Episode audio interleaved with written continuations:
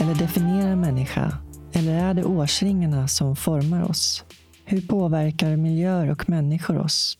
Hur påverkas våra vägval av våra förutsättningar? Jag som driver soluret heter Jasmine Nilsson och jag är nyfiken på vad som formar oss till de vi är.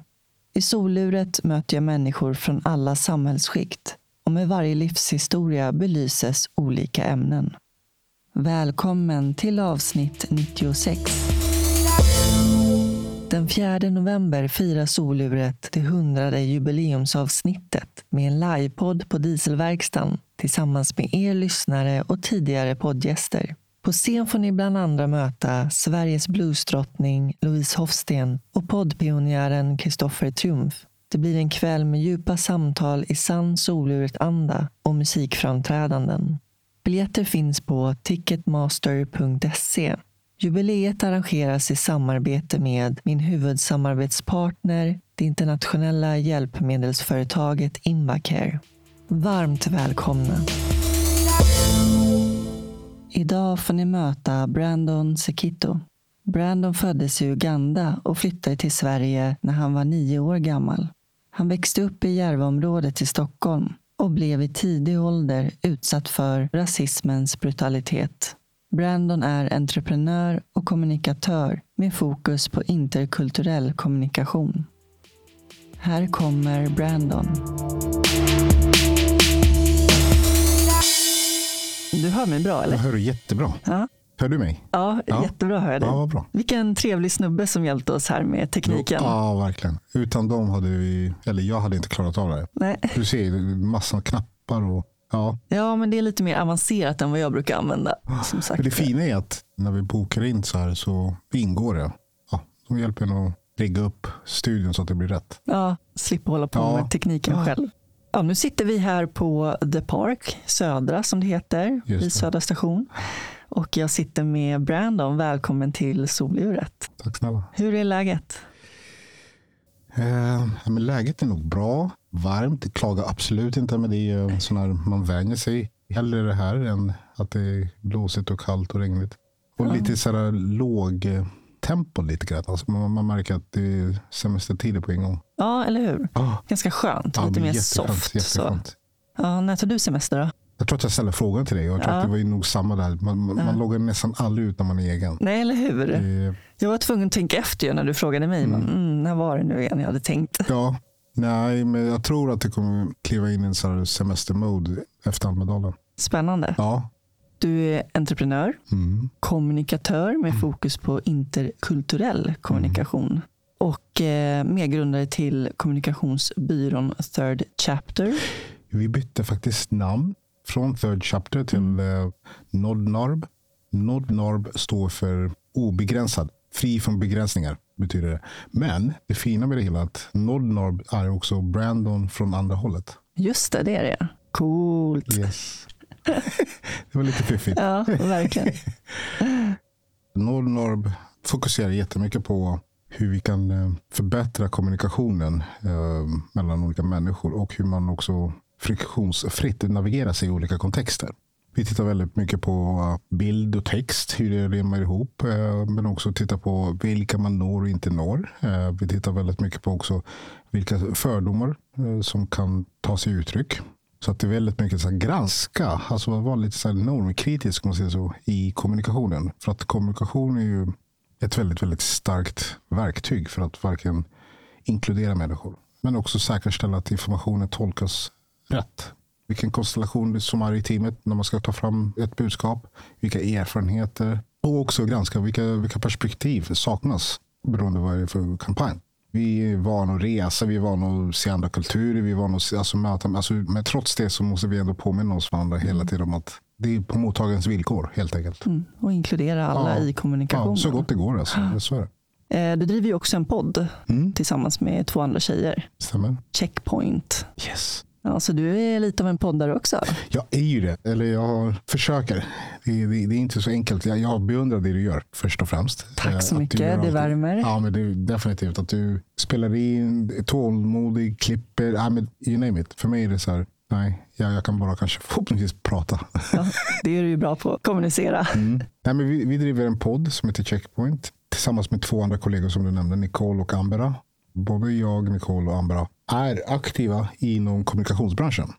Samtalet har ju hela tiden pågått inom branschen. Tittar man på skolor, de som utbildas inom reklam och kommunikation, så ser man att det finns väldigt fattigt när det kommer till diversity. Vi tänkte utifrån, alltså man har kanske relation från andra kontinenter och man talar andra språk och så vidare. Som mångfald saknades. Och det har vi lyft ganska många gånger. Eh, jag bland annat bloggar väldigt mycket om mångfald och inkludering i en tidning som heter Resumé.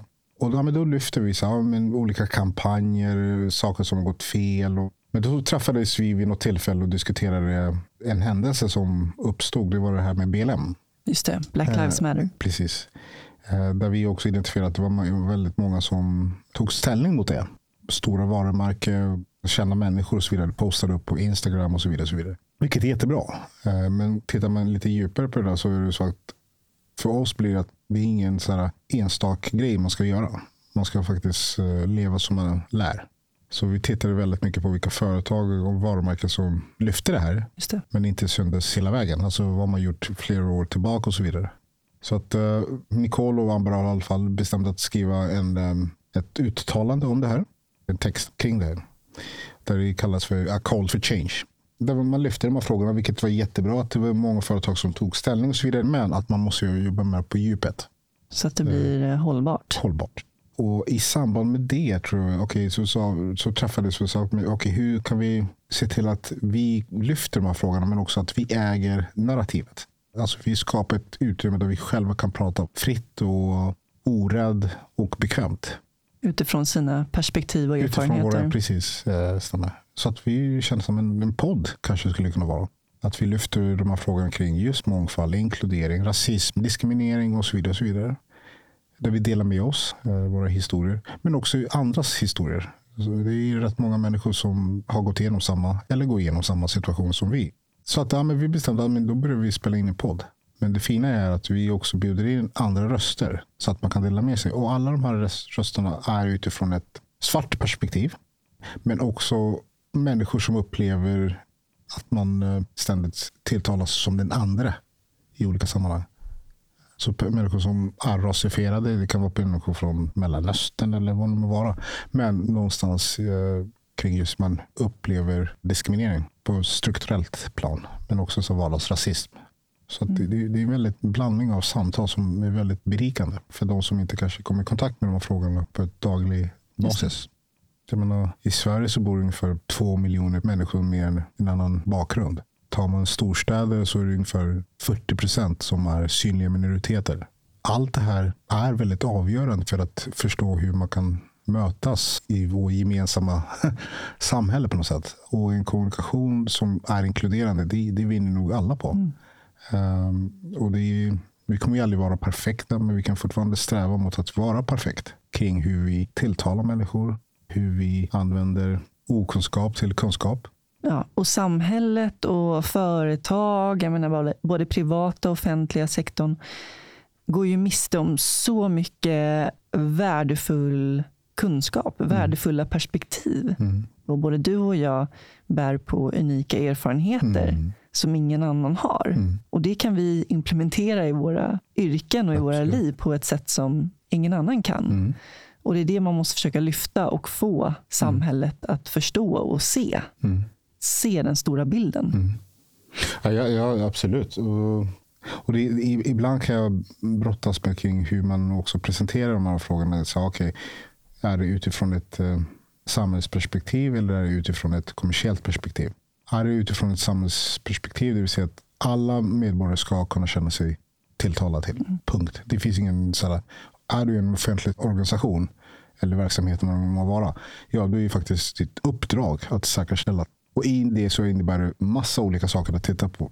Allt från rekrytering, allt till hur vi tilltalar, allt till vi utformar, allt till hur vi eh, sätter fokus på kring vissa frågor och så vidare. Allt det där ska ingå. Uh, så det finns ingen så här quick fix där heller. Men det kommer ju öka sannolikheten till att man är på bollen mer om man är ett mångfaldig arbetsteam, arbetsplats och så vidare. För att då kommer det också Det kan vara tufft, absolut. Det kommer skava. Men det kommer också förhoppningsvis leda till att det blir ökning av eh, innovation. Större lönsamhet, Så, garanterat. Absolut. Så det är väldigt mycket fördelar. Det är så viktigt också med förebilder Mm. och att eh, man ska kunna spegla sig själv i samhället. Mm. Jag då som lever med en funktionsnedsättning och, och använder rullstol, som jag gjort i 23 år blir det nu. Eh, under de här 23 åren så har jag till exempel på tv bara sett två personer med en synlig funktionsnedsättning som har varit programledare. Det, det, ja, nu var det ju fantastiskt att Aron Andersson fick medverka i Let's Dance. Just det, men jag fick också massa med Skit, Ja, hat. fruktansvärt. ja. Men det är Eh, jättebra. Det var så många kids som verkligen de ser upp till honom, ser honom som förebild. Och föräldrar till barn med funktionsnedsättningar som sa det att alltså, mitt barn liksom, det har växt så otroligt mycket med att få se Aron på, på tv. Så viktigt, så viktigt. Och det borde ju vara inte, inte vara någon rocket science om man Mm. tittar på det. Men jag tycker det, effekten av det blir väldigt impact. Alltså det blir ju, gud, ja. Mm. Men jag tänker också som min kollega brukar säga, you can't be what you can't see. Men, precis, exakt. Det där är ju superviktigt. Och, och det är sådana frågor som jag, vi pratar väldigt mycket om olika privilegier. Och här nämner du någonting Ja. som jag, jag kan ha en viss privilegier att jag kanske inte behöver tänka på det du går runt och tänker på. Och jag slås av att fan, jag har inte reflekterat så mycket över det. För att det berör inte mig. Mm. Som, alltså så, ut- utan att vara... fattar. Eh, och det är väl det som är så viktigt, att just att man släpper in sådana röster säger, vet du vad? Vi kanske borde göra lite bättre kring de här frågorna Mm. och visa samhället som det är, inte så som vi tror det är. Och jag trodde inte det skulle betyda så mycket för mig, men första programmet när jag skulle se Aron dansa och det var stående ova- ovationer och grejer. Jag började gråta. Är det klart? Alltså jag blev så tagen. Jag trodde inte, jag blev själv förvånad över min egen reaktion. Och det säger ganska mycket. Vad fint. Ja, Ja, det är superviktigt. Jag är så tacksam för att eh, få möjlighet att få en liten inblick i, i din värld. detsamma hörru. Mm. Och nu tänker jag faktiskt att vi ska ta din historia från början. Mm. Du föddes den 9 december 1978. Det stämmer. Du föddes i Uganda. Yes. Vad föddes du in i för familj? Stor familj. Min mormor, mm, hon vilar i fred. Hon hade skaffat sig tolv barn. Många morbröder, mostrar och, och släktingar och så vidare. Jag har ganska fina minnen från Uganda. Uh, kunde gå ut och leka när man ville mer eller mindre. Och vänner och släktingar som kom och hälsade på. Och fint väder. Och under den tiden när jag föddes, det var väldigt mycket oroligt i Uganda. Vi hade en, en president, Idi Amin. Och så det var väldigt mycket konflikter, folkmord och det var ja, mycket sånt. Ehm, jag kommer ihåg att eh, vid något tillfälle så hjälpte min morbror mig att vi skulle ta oss över till Kenya. Och hur vi gömde oss i buskarna och hörde massa skott. Det kommer jag ihåg. Det var en händelse som påverkade mig. Mm. Jag tror att jag var vid åtta. Då min mamma flyttade från eh, Uganda till Sverige. Så jag fick bo kvar själv med min, mina släktingar från mammas sida. Då. Och det kommer jag ihåg att det var en, en liten saknad under den perioden. Att jag saknade min mamma. Och varför gjorde hon det? Nej, men jag tror eh, dels hade det handlat om ja, att det var väldigt oroligt i Uganda. Eh, Men sen hade hon nog också träffat en ny man. Och han i sin tur tror jag valde att lämna Uganda på grund av att han hade gjort militärtjänstgöring där. Och ville skaffa sig ett nytt liv. Så att han flydde. Jag tror, om inte jag minns helt fel, att först tänkte han att han åka till Finland. Men sen hamnade han med valde Sverige ändå. Så att de flyttade hit. De Skulle väl skaffa sig ett liv här. Och då flyttade de hit med, med hans två barn och sen min mamma. Då. Så att jag har två ingifta syskon. Och sen har jag två halvsyskon. Så de flyttade hit och sen eh, ett år senare så fick jag komma. Och då kan man ju tänka så här. Wow, vad stort. Äntligen får jag träffa min mamma igen. För visst var det så att ni gjorde, du och din mormor, ni flyttade först till Nairobi. Ja, just det. Mm. Stämmer. Oj, du har koll på mig. Ja, jag försöker. Nej, precis. Vi flyttade först till Nairobi. Jag bodde där ett, eh, en, en viss period. Och sen från just Nairobi åkte jag till Sverige. Och min mormor har ju betytt allt. Hon var min andra mamma. Jag, vet att jag kallar henne för mamma. Eh, Så hon var så pass nära mig. Eh, Jag har till och med en tatuering på henne. Fint. Ja. Ehm, Men hon gick bort för ungefär ett år sedan. Beklagar sorgen. Tack snälla. Hon var den mest kärleksfulla människan jag någonsin har träffat. Alltså. Vilken kvinna. Fy fan. Ja, får man svära? Ja, absolut. Ja. Nej, men hon var, jag hade nog inte det så lätt. Eh, och hon var den som såg och hela tiden pusha och försökte ge mig positiv feedback på saker och ting om livet. Och, och hon visade väldigt tydligt att hon fanns där för mig om det skulle vara något och så vidare. Din trygghet. Ja, min, hon var min trygghet. Alltså. Hon var, Ehm, och hon såg. Jag menar, när jag flyttade till Sverige, det var ju absolut en jätteviktig händelse. Men det var också en händelse som började kanske inte så jätte, jättebra. Nu när man tittar tillbaka.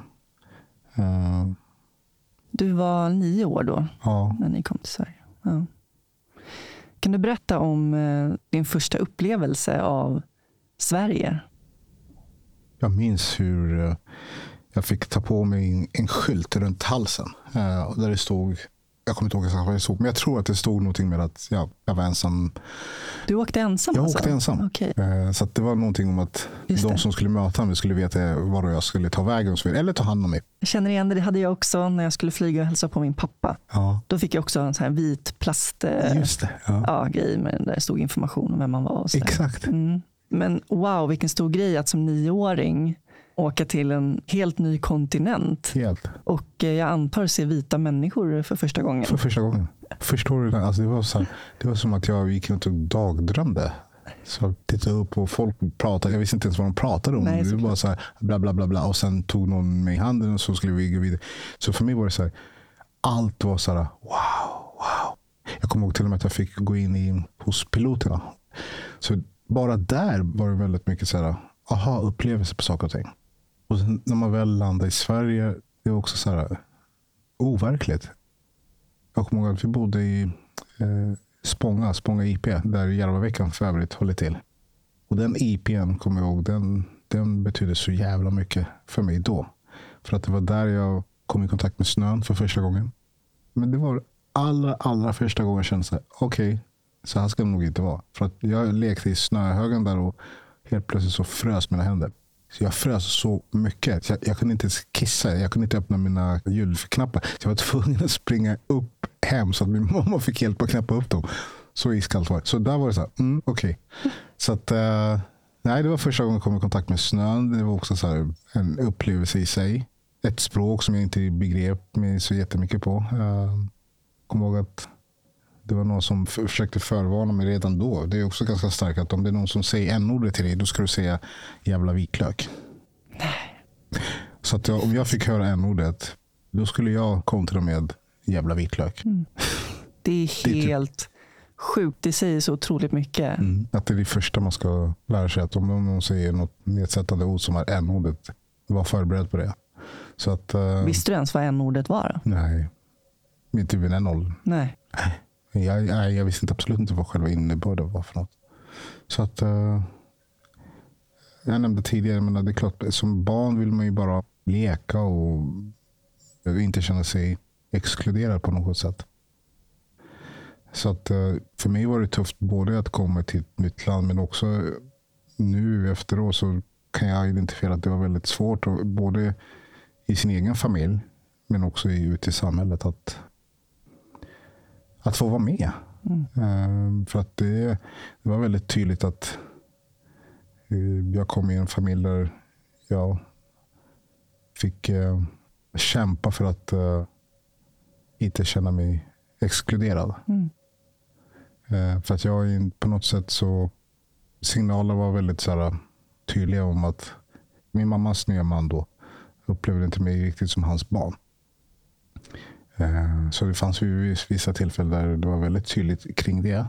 Och så det klart det finns andra tillfällen där man kände sig en del av familjen. Men det var det här just att man inte riktigt visste hur jag skulle få vara.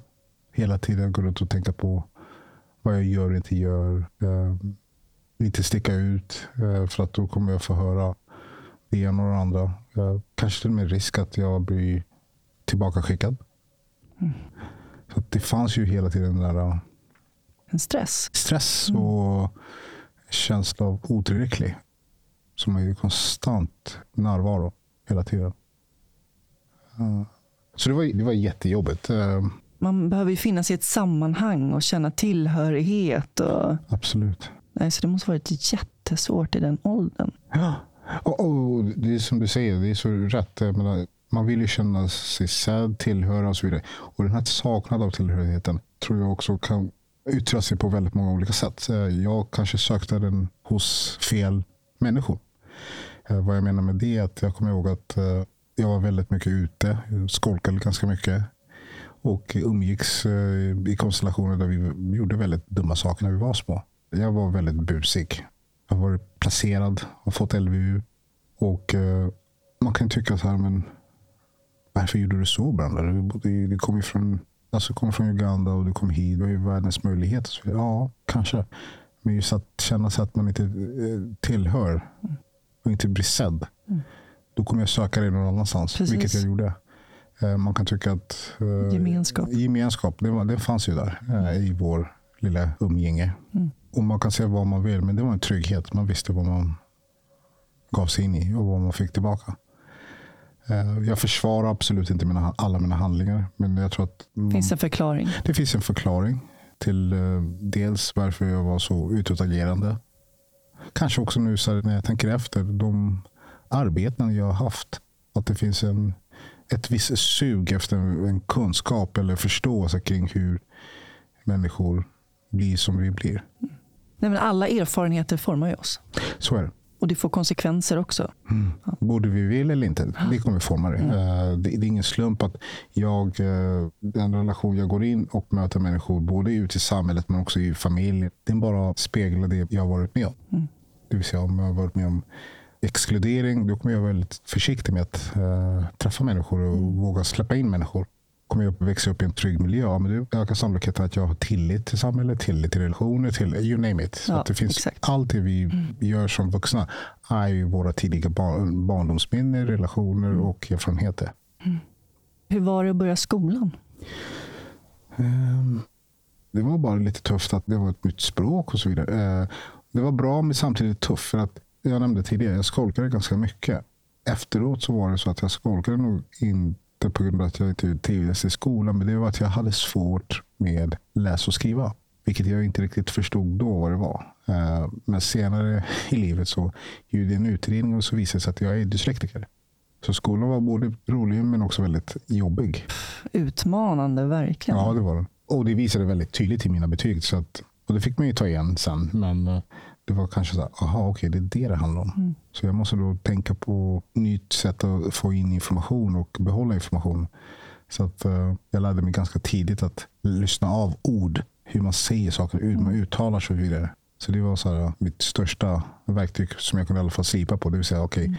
om inte jag kan skriva, då måste jag fan kunna prata ordentligt. Ja, jag har förstått att det har varit väldigt viktigt för ja. dig att uh, lära dig att prata mm. korrekt. Mm. Vilket är bra, men det var extra tydligt då.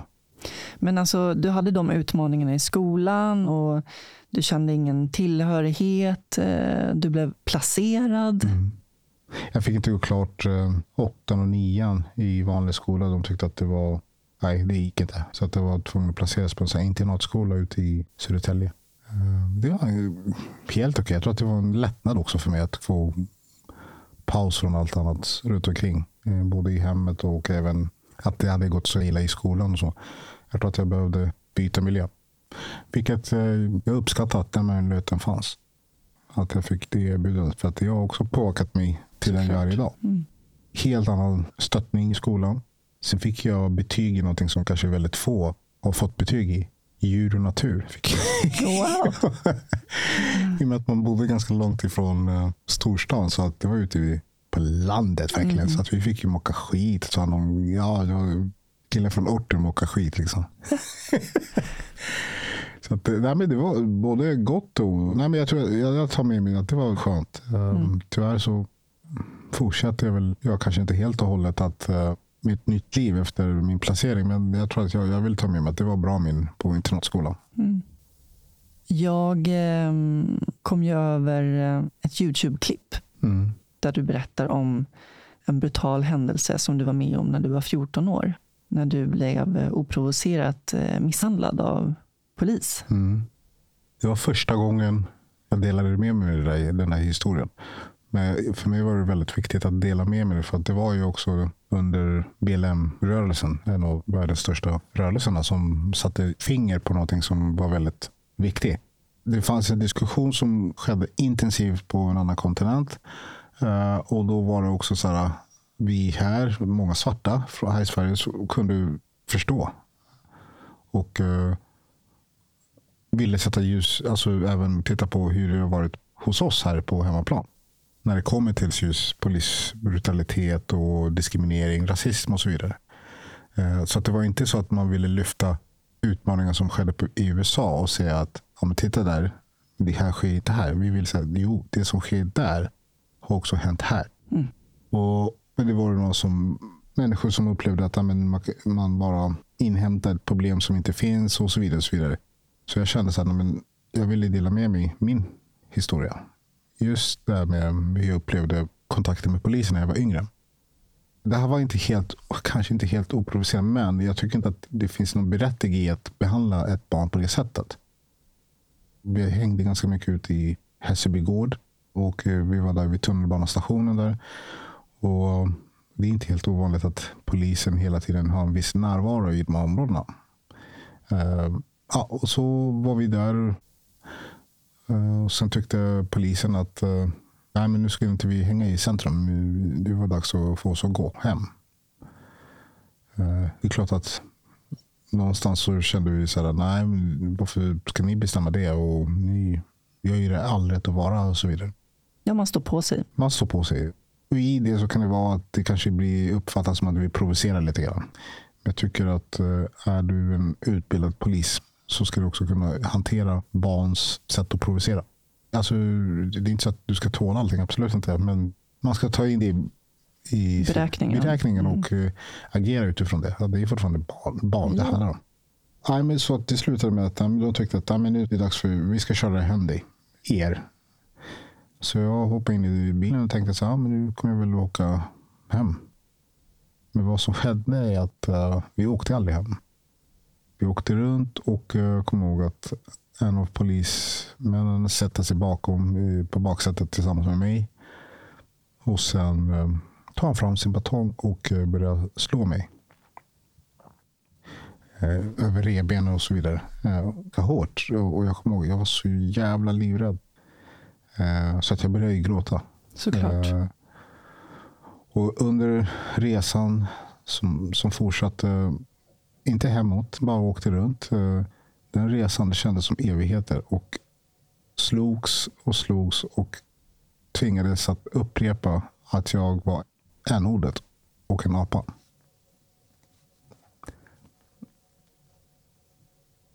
Och jag kommer ihåg att uh, jag, jag fick säga det. Och det var så jävla förnedrande. Och eh, jag kunde inte mer. Jag var tvungen att bita ihop. Och sen när, när de tyckte att det var bra så släppte de av mig. Och jag kommer ihåg så tydligt att jag kände bara, bara jag får kliva ur den här bilen så kommer det bli bra. Så de släpper av mig. Jag kommer ihåg, det första som jag gjorde när jag kom i bilen och de släppte av mig var att jag skrek era jävla as. Fy fan på jag ska anmäla er. Mm. Jag var så jävla rädd, förbannad, ledsen. Allt mm. på samma gång. Och jag kommer ihåg att uh, jag mötte blicken i föraren, polisen som körde. Jag upplevde att han tyckte inte heller det var så jävla nice att hans kollega satt och gjorde det han gjorde.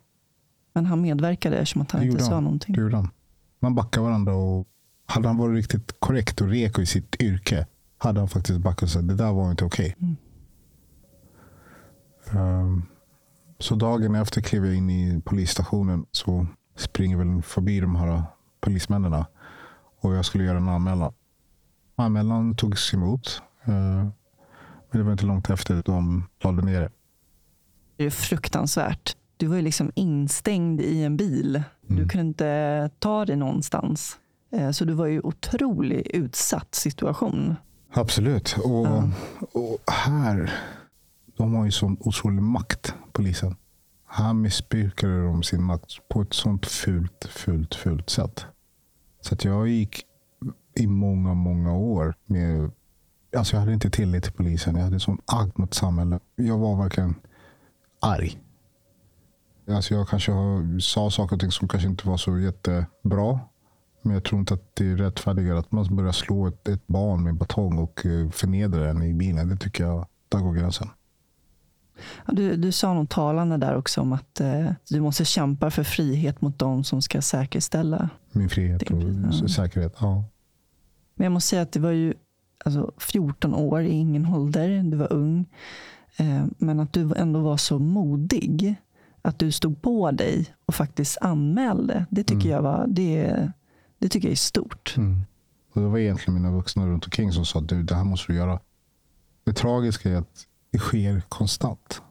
Alltså människor som inte blir trodda på, anmäler och sen lägger sig bara ner och inte följs upp och så vidare. Det i sig säger ganska mycket om vårt samhälle. Mm. Men det säger också ganska mycket, kan ge en viss förklaring till hur vissa människor också inte har tillit till myndigheter eller mm. polisväsendet eller vad det kan vara. För att man har inte mm. tagits på allvar. Och det är för mig det är ett hot mot eh, demokratin. Ja. Det är konstant människor som upplever sig inte lika behandlade. Det är sådana vittnesmål som har kommit fram, även i våra podd som vi lyfter fram ganska ofta. Och då kan man inte säga så här, ja, men det här är en enstaka händelse som sker. Men det här är nästan systematiskt. Mm. Alltså det sker konstant. Alltså om det är något som sker konstant, historier som mer eller mindre påminner om varandra. Ja, då måste man gärna fråga sig, är det här systematiskt eller strukturellt problem? Eller vad, vad, vad är det för någonting? Jag kan både vara kritisk men också se att polisen behövs. Jag kan skilja på saker och ting faktiskt. Och Det kan nog de flesta av oss göra. Men eh, jag tycker att du dödar en viktig diskussion om du inte är så bekväm att adressera det som är det problematiska. Det finns en överbrutalitet mot vissa personer när det kommer till polisen bland annat. Mm. Nu i efterhand så är jag så tacksam över den relationen som jag fick med socialhandläggaren mm. som placerade mig. Jag var nog inte så jättemottaglig till hennes behandling och så vidare. Um, men idag är vi väldigt goda vänner. Det finns ju oftast runt omkring oss, vi människor. Det är alltid mm. några som är där som oavsett vad, mer eller mindre, mm. de, de står stadigt i att jag ser en annan människa i dig. Jag vill investera i dig. Och det tror jag som ung, för mig var det att, i och med att alla andra relationer inte, det bara försvann. Alltså man hade inte tillit till alltså vuxenrelationer. Så mitt verktyg var ju hela tiden testa och se. Jag Utmanar. Utmanade ja. och så vidare. Men vissa av de människorna, jag vet att min eh, gamla handläggare, eh, två av dem faktiskt, vi träffas och pratar ganska mycket. Men det var två, tre år sedan som eh, vi hade en diskussion om att oj, vad intressant det skulle vara att läsa mina journalanteckningar. Så att eh, där och då så bestämde vi att fan, vi ska dokumentera det här och se hur de jobbade eller vilka saker de missade eller såg under min tid med socialtjänsten. Men jag skulle också få en möjlighet att uh, se hur andra, hur andra såg mig och mina handlingar. Så att vi bestämde att gå igenom hela journalakten tillsammans. Och Det var ganska jobbigt. Det förstår jag verkligen. Uh, men också väldigt en del av processen kring att förstå mitt förflutna. Mm. Så att vi läste igenom, vilket jag tycker idag är väldigt fint. Det är klart det fanns vissa saker som de såg direkt. Fan, det här missade vi helt. Be om ursäkt. Men jag var inte ute att, att någon skulle be om ursäkt. Det var bara att vi skulle tillsammans vara bekväma kring det vi läser. Och jag får möjlighet att ställa frågorna kring men varför skrev ni så här? Eller varför missade ni det här? Det fanns familjemedlemmar som de inte tog kontakt med för att kanske jag kunde vara hos dem eller involvera dem för att jag samtidigt hade gett tillit till dem. Så det fanns vissa saker och ting som någonstans där så, fan, vi kunde ha gjort bättre. Men jag är tacksam ändå att jag fick den möjligheten för att det besvarade ganska mycket på vissa saker och ting i mitt liv. Vad var det? Kan du säga någonting? Ja, men just det här med att det fanns väldigt mycket misshandel runt omkring mig. Eh, både psykiskt och fysiskt. Eh, det besvarade ju ganska mycket på saker som jag kanske förtänkt. Varför min mamma var alltid ledsen. Mm. Varför vi fick vi varit behandlade så, som vi varit behandlade. Så det fanns väldigt mycket saker som jag kände så här, oh, okej okay, nu har det kommit upp. Och i det så kanske ett sätt att bearbeta det, att fejsa det. Mm. Och känna dig stolt över hur långt du har kommit. Absolut. Och sen också möjlighet att inte upprepa det kanske mot mina barn. Mm. Att få möjlighet att säga, vet du, jag ska nog agera tvärtom här. Om jag fick uppleva att det var väldigt shush i min uppväxt, att vi pratade inte om det ena och andra, då ska jag faktiskt göra tvärtom för att mina barn inte ska ärva det. Mm. En upplevelse av att det bara hänger i luften och folk tippar på tårna för att inte... Och så vidare. Göra någon arg. Mm. Så att, uh, ja. Tufft. Men ändå starkt att, att gå tillbaka mm. i journalerna och möta det förflutna. Mm. Nu tar vi en kort paus och ringer upp min samarbetspartner Invacare. Hej, det är Veronica på Invacare. Hej Veronica, det är Jasmine från Soluret här. Hej! Hur är läget? Det är bra. Det börjar runda av mot lite sommarsemester nu känner jag. Hur är det själv? Det är bra, tack. Ser fram emot lite semester också. Det är mycket på gång här med Invacare också, men kan du börja med att berätta vad du gör för någonting där? Mm. Jag jobbar som marknadskoordinator och eh, samordnar alla våra aktiviteter.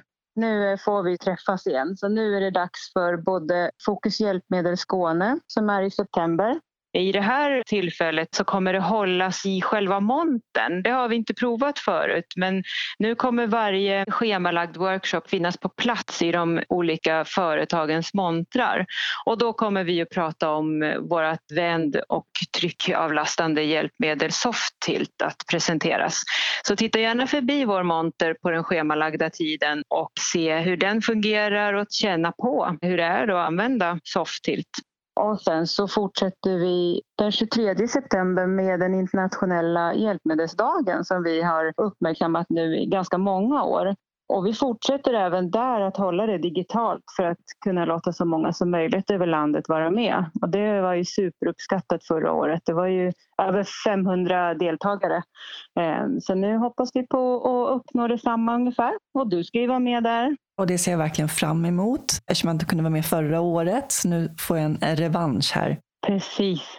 Även om man inte jobbar med hjälpmedel så får man jättegärna delta. Och vill man då kunna ta del av de här aktiviteterna så är det jättebra att prenumerera på vårt nyhetsbrev som talar om alla sådana här events och produktnyheter och vad vi har för någonting. Och det kan man ju anmäla sig till på vår hemsida. Ni har en kanal på Youtube också? Ja, precis. Invacare Sverige heter vår Youtube-kanal och där delar vi med mycket tips och tricks och lite snabba instruktioner om man inte vill grotta ner sig i en bruksanvisning alla gånger. Så kan man få lite tips där med video hur man kan göra en justering till exempel på ett nackstöd eller ett fotstöd. Vilken dyna man ska välja från Vicare sortiment till exempel och sådär. På Fokus Hjälpmedel i Örebro så kommer vi att lansera en helt ny madrass. Så det är i mitten på oktober då är det kul om ni tittar förbi och tittar vad det är för någonting. Testa och lägga sig ner och chilla lite. Ja, precis. Ja, men ha en fortsatt härlig sommar så hörs vi igen i höst. Ja, det ser jag fram emot. Verkligen. Hej så länge. Hej då. Men ähm, efter internatskolan där, vad gjorde du då? Efter skolan då så fick vi betyg i nian. Jag tror att de var lite snälla mot mig i alla fall mina betyg. Ett ämne som jag kände att det där kan nog stämma. Det var idrott. Jag fick ganska höga betyg. Resten kan vara diskuteras. Mm -hmm. Men eh, ja, så jag avslutade nian på internaten. Så skulle jag åka tillbaka till Stockholm och börja plugga. Jag kommer ihåg till och med att jag valde att gå barn och fritid för att jag fick höra att där var det, det var massa lek. Det var soft. Det var soft. det var inte krävande. Så jag tror att det var den kortaste linjen. Ja. Jag tror att det var två år på Just den tiden. Det, ja, ja, det känner jag igen. Ja. Så jag tänkte, ja men jag tar den. Om mm. det bara massa lek man ska lära sig. Uh, nej, så att jag gick i barn och fritid i Vällingby gymnasium. Men det gick inte hela vägen där. Så att jag bytte skolan till Tensta gymnasium. Tensta gymnasium var bra. På den tiden så var det väldigt så här, väldigt respekterad gymnasium. Det fanns ett erkännande att det fanns duktiga lärare där ute i Tensta gymnasium. Men eh, gymnasium gick inte vidare så att jag hoppade av. Vilket jag bittert, bittert ångrar. Men andra saker i livet kom emellan. Så gymnasium, eh, jag fullföljde inte mina år på gymnasium tyvärr. Vad var det som hände som gjorde att du kom iväg? Det fanns um, ja, men, kriminalitet och uh, och just det här också att uh, jag inte riktigt visste hur jag skulle hantera min dyslexi. Den var för svår. Så skolan var ju tungt för mig då. Så att jag hoppade av. Jag delade ut tidningar och uh, praktiserade lite här och där. Och, ja, så det var bara så... slöseri med tid om man ska vara riktigt ärlig. Jag tog en vända till att bo i Uppsala en period. Och började jobba där inom ehm, restaurang och krog. Började som diskare. Och det tycker jag var ganska roligt. Träffa människor och umgås med människor. Eh, men sen efter jag tror två, tre år där så flyttade jag tillbaka till Stockholm. Och då var det så här blandade känslor. Eh, det var i Stockholm som det hade hänt mycket. och Uh, I de här miljöerna så är det lätt hänt också att man skaffar sig ovänner och det blir falska rykten som sprids och så vidare. Så att det fanns vissa människor som man kände så oh, fan det kommer bli jobbigt att träffa på de här. Så det var väldigt så här, jag var väldigt ambivalent till att flytta tillbaka. Men uh, jag valde att flytta tillbaka i alla fall och försöka hålla mig till inte hänga så mycket med fel umgänge. Fel umgänge, precis. Uh, så jag sökte ett jobb det var ett projekt som, som drevs i Tensta biblioteket. Där. Och det här projektet gick ut på att eh, barn och unga som hade någon slags stöd från socialtjänsten, vad de var, de skulle hitta man anordnade olika aktiviteter. Det kunde handla om fotboll, eller brännboll eller åka till Skansen. Men de ville ha också unga som jobbade med unga. Så jag gick förbi där dagligen och sa, finns det något jobb? Nej, sa hon. Eh, den personen har jag väldigt god kontakt med till än idag. Nej, det finns inget. Jag gick förbi det dagligen. Inte bara för att jag sökte, men det var, det var enda vägen att ta mig hem. Alltså, det var genom att gå förbi biblioteket. Så det var lätt för mig att knacka dörr och bara, finns det någonting idag? Men till slut så gav han upp. Han sa, ja, okej, kom in imorgon och så ska vi köra igång. Det var en möjlighet som har format mig till den jag är idag faktiskt. En av de händelserna. För att jag fick möjlighet att testa på att jobba, men också mina erfarenheter kunde också kanske komma till användning. Jag kan förstå vissa ungars sätt att se på livet. Så att jag, jag kände att men det här var rätt. Och det är ju en kompetens tack vare dina erfarenheter. Ja, precis. Jag använde det till att ha det som kompetens. Mm. Så där tror jag att det var den lilla, lilla vändningen inom mig som växte fram ännu mer kring att nej, men jag vill bättra mig. Mm. Så jag jobbade där ungefär ett år. Eh, sen tog tyvärr det här projektet slut. Och så sökte jag mig vidare till att jobba på förskola. Det var också en erfarenhet där så väldigt många föräldrar upplevde oh, kul att det är en man som jobbar på förskola. Bra. Det var många föräldrar som tyckte att det var väldigt välkomnande. Vissa barn drogs väldigt, väldigt mycket till mig. Och nu har det hänt mig ganska mycket. Jag tycker att jag ser mer och mer manliga förskollärare. Och det tycker jag är jättebra. Nej, men så jag började inom förskola ett tag och det tror jag var också ganska nyttigt. För att då fick jag också komma i kontakt med tidigt att hur viktigt det är att ge barn rätt eh, uppmärksamhet och stöttning och möta dem där de är. Men och låta dem också, jag, menar, jag kommer ihåg att det var någon som sa har du lämnat ditt barn på en förskola med ren overall och kommer hem med ren overall, och då är det något som inte stämmer. Det är, talande. Det är ganska talande. Det är ganska fint. Det finns liv och energi i de här barnen. Och det tror jag var ganska viktigt för mig att se och lära mig. Men sen efter det, så när jag jobbade på förskola så var det så att jag skulle gå iväg och träna med en kompis på Sankt Görans sjukhus. Så vi hade varit där och tränat. Sen går vi förbi hans jobb. Han jobbade på ett ställe som heter BAS, Beroendeakuten. Och så vi kommer förbi där och sen säger ja men det fattas personal. Och de står och diskuterar fram och tillbaka. Jag tänkte, fan, jag kanske borde söka och jobba lite extra på helger. Så sökte jag och jag fick jobbet. Tänkte att jag ska jobba lite extra. Men det där lilla extra slutade med att jag var, där, jag var där i två och ett halvt år, tre år ungefär. Och där var det alltså en enorm miljö som du verkligen så här äh, slås av hur eh, att ta vara på livet.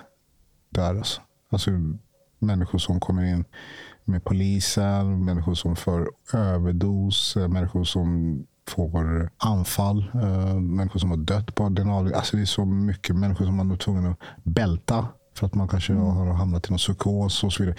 Så det var en jättetuff miljö. Mm. Men det var också där jag också kom i kontakt med uh, För mig var det så här, men alkoholist och, eller missbrukare, det är, det är de som hänger på en parkbänk. Liksom. Här var det alltså, jag kom i kontakt med vd, kändisar och människor som, som hade det jättetufft. Uh, att hamna på en parkbänk, det är en slutstation mer eller mindre. Mm. Uh, men att ha psykisk ohälsa, det är, den syns inte i alla gånger. Så där var också ett, ett litet uppvaknande mm. kring hur tufft det är för många av oss. Trots att vi säger att det är bra, men det är, mm. man kämpar mot så mycket. Um, så det var en ganska lärorik. Uh, och det var också där, jag kommer ihåg ett samtal jag hade med en kollega där i köksrummet. Så var det många som reflekterade ganska mycket kring just varför vi valde att jobba med det vi gör. Mm. Jag kommer ihåg att hon var väldigt klok och sa ja, jag ska tala om för dig att alla vi här som jobbar på det där, eller många av oss här, av hennes erfarenhet i alla fall, det var att antingen man själv och har slutat eller har släktingar runt omkring er som man söker svaren kring just här missbruk, och alkohol och droger och så vidare. Mm. Det var väldigt, det slog mig ganska mycket. Mm. Tittar jag tillbaka så känns det, ja fan det var rätt mycket drickande i vår familj. Mycket bråk och oftast var det någonting med alkohol inblandat. Men det var så normaliserat för dig? Så ja, det var jag såg inte det. Nej, jag såg inte det. Med den erfarenheten att vara där och lära mig massa saker valde jag också att gå vidare och jobba på Maria Ungdom. Det är egentligen samma problematik men det är för yngre. Mm. Och Det var egentligen där som också jag tog en ytterligare en resa i mitt liv. Det var att jag kände att de samtal som jag hade där med barn, föräldrar. Det är ett helt annat samtal än om du har med en vuxen. För att då är det, ja, men det är andra frågor. Så att där kände jag att jag måste nog tillbaka till skolbänken. Så att jag valde att plugga till eh, familjeterapeut. Just det när jag hade jobbat på Maria Ungdom och kände att mm. jag ville hantera det samtalet som oftast uppstod i inskrivning eller utskrivning. Och där blir det, okej, okay, ett, jag ska tillbaka till skolbänken, men det andra var att, oj, jag fick ju helt plötsligt jobba med mig själv, med min, mm. min uppväxt. Så att uh, utbildar man sig som terapeut får man också gå själv i terapi. Och där var det saker som väcktes igen. Jag kan tänka mig. Ja. Mm. Men hur var det att sätta dig vid skolbänken igen med tanke på din dyslexi? Den här gången var det mycket lättare. Jag visste ju att jag hade dyslexi. Jag kunde också tala om det. Mm. Eh, men eh, jag tycker att det fanns otroligt mycket verktyg. Google är min vän. Man kan googla sig fram, man kan köra översättning. Så det var, och det handlar också för mig, tror jag, att Ja, jag har det, men det ska inte vara ett hinder. Det går mm. faktiskt att lösa det på... Med rätt hjälp? Ja, med rätt hjälp. Det är bara bestämde mig för att nu, nu vill jag göra det. Så att, uh... Tänk vad mycket vilja betyder också. Vilja och lust. Mm. En del av att få vilja och lust, för mig i alla fall, det är också att inte nonchalera saker och ting som har skett. Och att jag ständigt blir motbevisad att det går. Det är lätt för mig att hitta vilja och lust. Mm. Allting är inte svart eller vitt. Mm.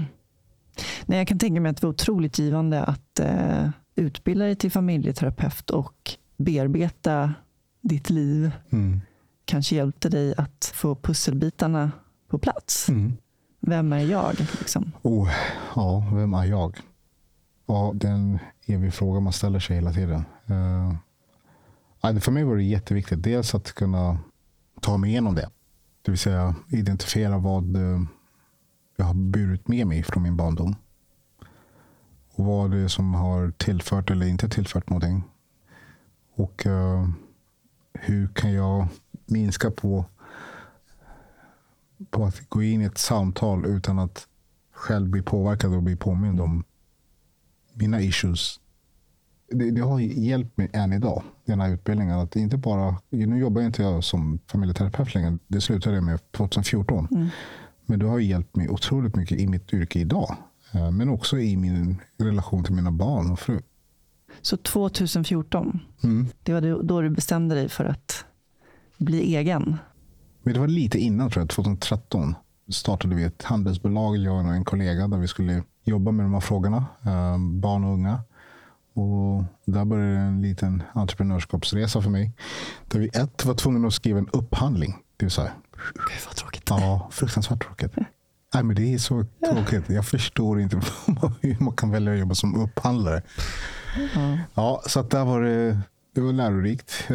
Hur man paketerar sina tjänster och tydligt sätter pris på det och eh, ut och jaga. Upphandling för mig var det så här, okej okay, om vi är med i den här upphandlingen, då är det, det är klart. Då, är det, då kommer det komma kunder. Där fick jag lära mig något helt annat. Eh, det är att eh, nej, det är ingen garanti att du kommer få kunder för det. I alla fall inte när det kommer till sådana här offentliga upphandlingar. Min erfarenhet. Det betyder att du kommer fortfarande jobba med att skapa kontakter, relationer med beställarna. Känner mig inte till dig, vet vem du är, jag har jobbat med. Telefonen kommer inte ringa. Så där var det så här, oh shit. Vi måste alltså ut och jaga kunder. Nätverka. Ha de här kalla samtal. Skicka broschyrer. Skicka, använder sig. Evighet. Men eh, det som gjorde i alla fall att jag ville göra det här med att starta eget och vara egen. Jag älskar min fritid. Jag vill bestämma över min egen tid. Jag har svårt att ha de här 8 till 5 jobben. Alltså. Jag känner med dig 100 procent. Men det krävs så jävla mycket. Du vet ju mm. själv. Alltså, det är som du sa, du och jag pratade om att det finns ingen så ah, men när har du semester? När, det blir aldrig så nu, nu loggar jag ut. Mm. För att vem kommer skicka de här förfrågningarna, fakturorna, jaga kunder, marknadsföring? Det är ingen som kan vänta. Så att, uh, det är fint att vara egen, men det är också otroligt tidskrävande. Mm. Vad innebär det för dig att vara människa? Ta ansvar, respektera andra och vara öppen för nya perspektiv. Jag försöker baka in alla de tre sakerna till att vara en människa. Och ta ansvar, jag menar, det kan komma med väldigt många olika sätt att se på att ta ansvar. Alltså, jag måste ta ansvar för mig själv. Jag måste ta ansvar för mina barn. Jag måste ta ansvar för om det är någonting som fattas. Jag måste ta ansvar och se till hur kan jag vara med och bidra till att uh, det blir bättre. Inte skilja ifrån mig. Jag måste ju ta ansvar för att se till att vad kan jag vara med och bidra till att människor har ett värdigt liv. Eller jag har ett värdigt liv. Jag älskar sådana samtal med dig. Till exempel att jag sitter här och får möjlighet. Jag välkomnar dig i mitt liv så att jag kan känna mig berikad kring när jag går härifrån. Så här, wow, det där var ytterligare ett sätt för mig att uh, ha en personlig utveckling. Mm. För att saker och ting diskuteras, saker och ting sätts i kontexter som jag kanske inte själv är så kunnig i och så vidare. Men att jag välkomnar det utan att avfärda det. Alltså, jag, så, nej, men jag vill inte ha det för att jag kanske inte är så bekväm med det. Men mm. bjud in det. Omfamna. Omfamna det. Mm. Och det gör ju att jag kan stå stadigt i mig själv. I andra samtal, andra saker och ting. För att jag vet att det jag lär mig kommer jag också kunna använda mig i många olika sammanhang. Ja, precis jag måste hela tiden vara sann mot mig själv. Och det är inte eller så här, vara sann mot mig själv. Ja, vad innebär det? Ja, att kanske inte tala sanning. För att om inte jag talar sanning, då kan jag inte lita på mig själv. Kan inte jag lita på mig själv, då kommer jag inte kunna lita på omvärlden. Så att för mig betyder det hela tiden tala sanning. Om det är någonting som är fel, då säger jag att det här är fel. Mm. Om det är någonting som måste ändras eller förbättras, då måste jag tala om det för mig själv och för någon annan. Inte gå och gömma mig bakom saker och ting och undvika det där samtalet eller undvika det ena och det Då är jag inte jag sann mot mig själv. Och det gör ju att jag kan inte skala bort mig själv i, i samtal som jag kan uppleva som förminskande eller mm. med någon som kommer med en massa fördomar och okunskap. Då kan jag faktiskt säga stopp, stopp, det där är inte okej. För att jag är sann mot mig själv. Ja, men precis. Så tänker jag. Mycket bra. Tror du på ett liv efter detta? Jag vill säga både ja och nej. Om jag säger ja. Jag tror att jag kanske inte. Jag är rädd att jag tänker så här. Att inte jag lever i nuet. Det är enda livet jag har. Ja, då ska jag fan ta vara på det. När känner du dig fri? När jag eh, kliver av planet när jag kommer till Uganda och bara kliver av planet. Då kan jag känna mig fri. Jag kan känna så här, jag lättnad. Så här. Hemma. Då är jag bra När känner du dig sårbar? När jag... Eh, nu. Jag kan känna mig sårbar i vårt samtal här. Det är inte på ett negativt sätt, men jag kan känna mig sårbar i form av att jag kanske delar med mig om saker som jag oftast inte kanske går runt och pratar om. Jag kan känna mig sårbar i form när jag inte riktigt vet hur jag ska vara som man, som pappa. Ehm, och även släppa in människor. Jag kan känna att det finns en viss sårbarhet där som jag inte alltid känner mig så bekväm kring. Vad drömmer du om? paus från allting och bara få hänga i gungmattan. Det drömmer jag om. Kaffe eller te? Båda. Stad eller landsbygd? Stad. Bok eller film? Film. Kött eller grönsaker? Båda. Planering eller spontanitet? Spontanitet. Se eller höra? Båda. Lyssna eller prata? Lyssna.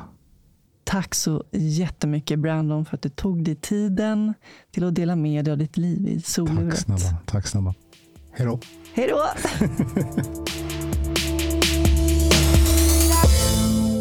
För mer information om Brandon och hans tjänster kan du gå in på brandonsekitto.com.